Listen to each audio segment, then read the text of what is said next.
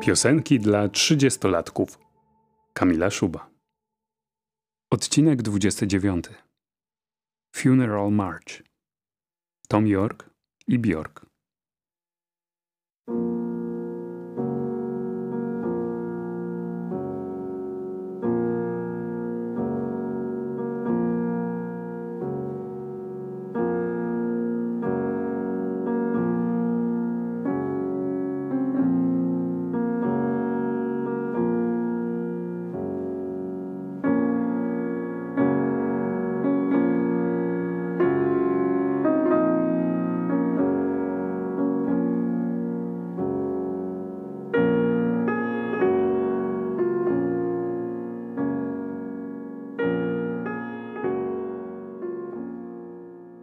Wracam do domu pustą ulicą. Jest noc. Nad moją głową nieśmiało świeci księżyc. Słucham muzyki przypadkowo wrzuconej przed wyjściem na odtwarzacz MP3. Zbioru powstałego w wyniku współpracy Toma Yorka i Bjork. I słyszę nagłe uderzenie fortepianu, który swoją siłą porywa mnie i przenosi gdzie indziej. Staram się rozpoznać tę melodię ale chwilę muszę poczekać, bo ta wiedza nie przychodzi od razu. W mojej głowie zaczynają pojawiać się obrazy. Widzę płytę lotniska, a na niej samolot, z którego żołnierze wynoszą trumny.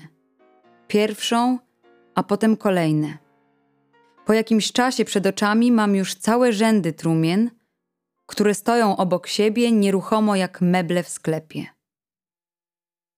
Zatrzymuję się w połowie drogi bo wiem, co zobaczyłam.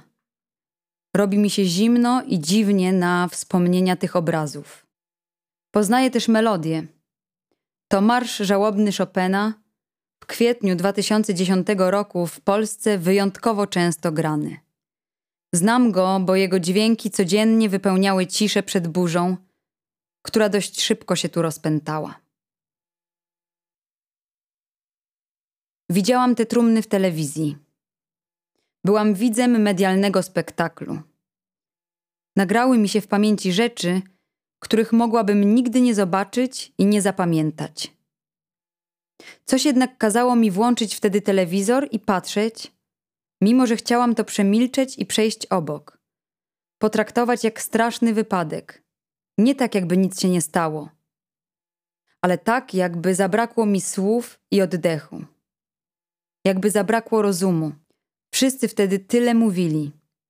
Najpierw płakali, a potem zaczęli się kłócić o to, kto lepiej wie, dlaczego samolot z olbrzymią częścią polskiego rządu runął na ziemię i dlaczego wszyscy zginęli.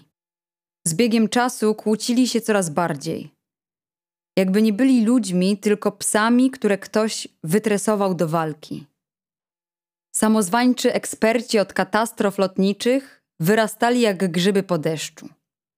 Byli w radiu, w telewizji, na łamach gazet, z których na jakiś czas zniknął kolor.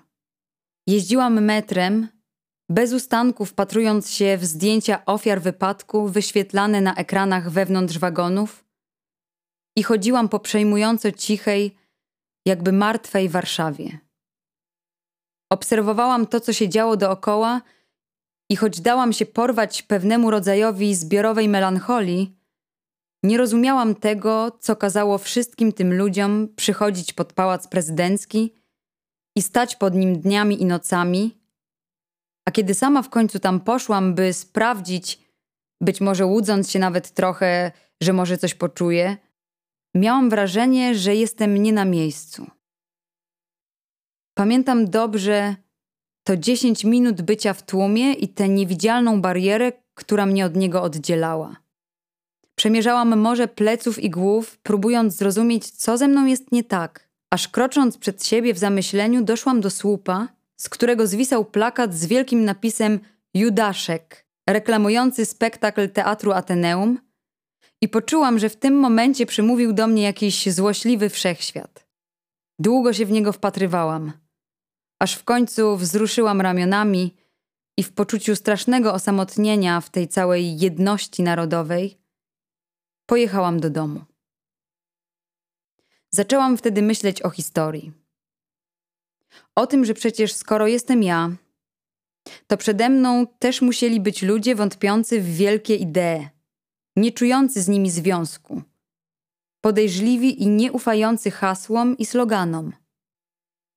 Oficjalne opowiadanie historii i jej interpretacja od zawsze należało do starszych ode mnie osób, które mówiły głośniej niż inni i narzucały reszcie swoją wizję, a czasem po prostu powtarzały to, co było już powiedziane. A ja od jakiegoś już czasu odkrywałam te małe narracje i nie wierzyłam w wielką historię. Poddawałam ją w wątpliwość.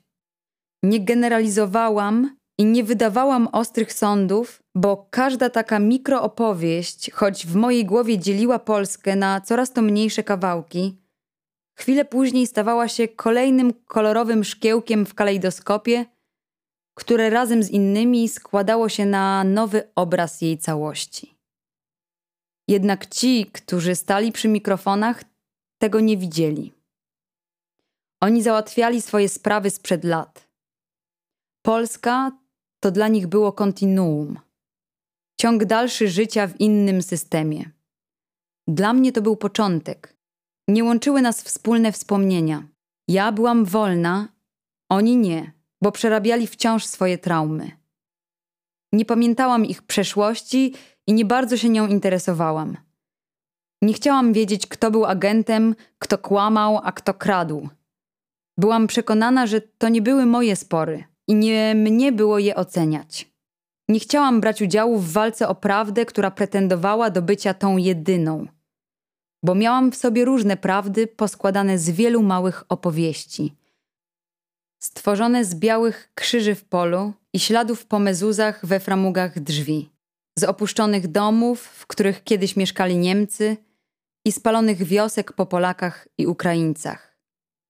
Świata, który pożarł las z wybrakowanych fragmentów i przemilczanych historii, z powstań, ze strajków stoczni, z Wałęsy, a chyba bardziej z Wajdy, z kultury i z kontrkultury, z filmów, z muzyki i z telewizji, z miliona różnych interpretacji.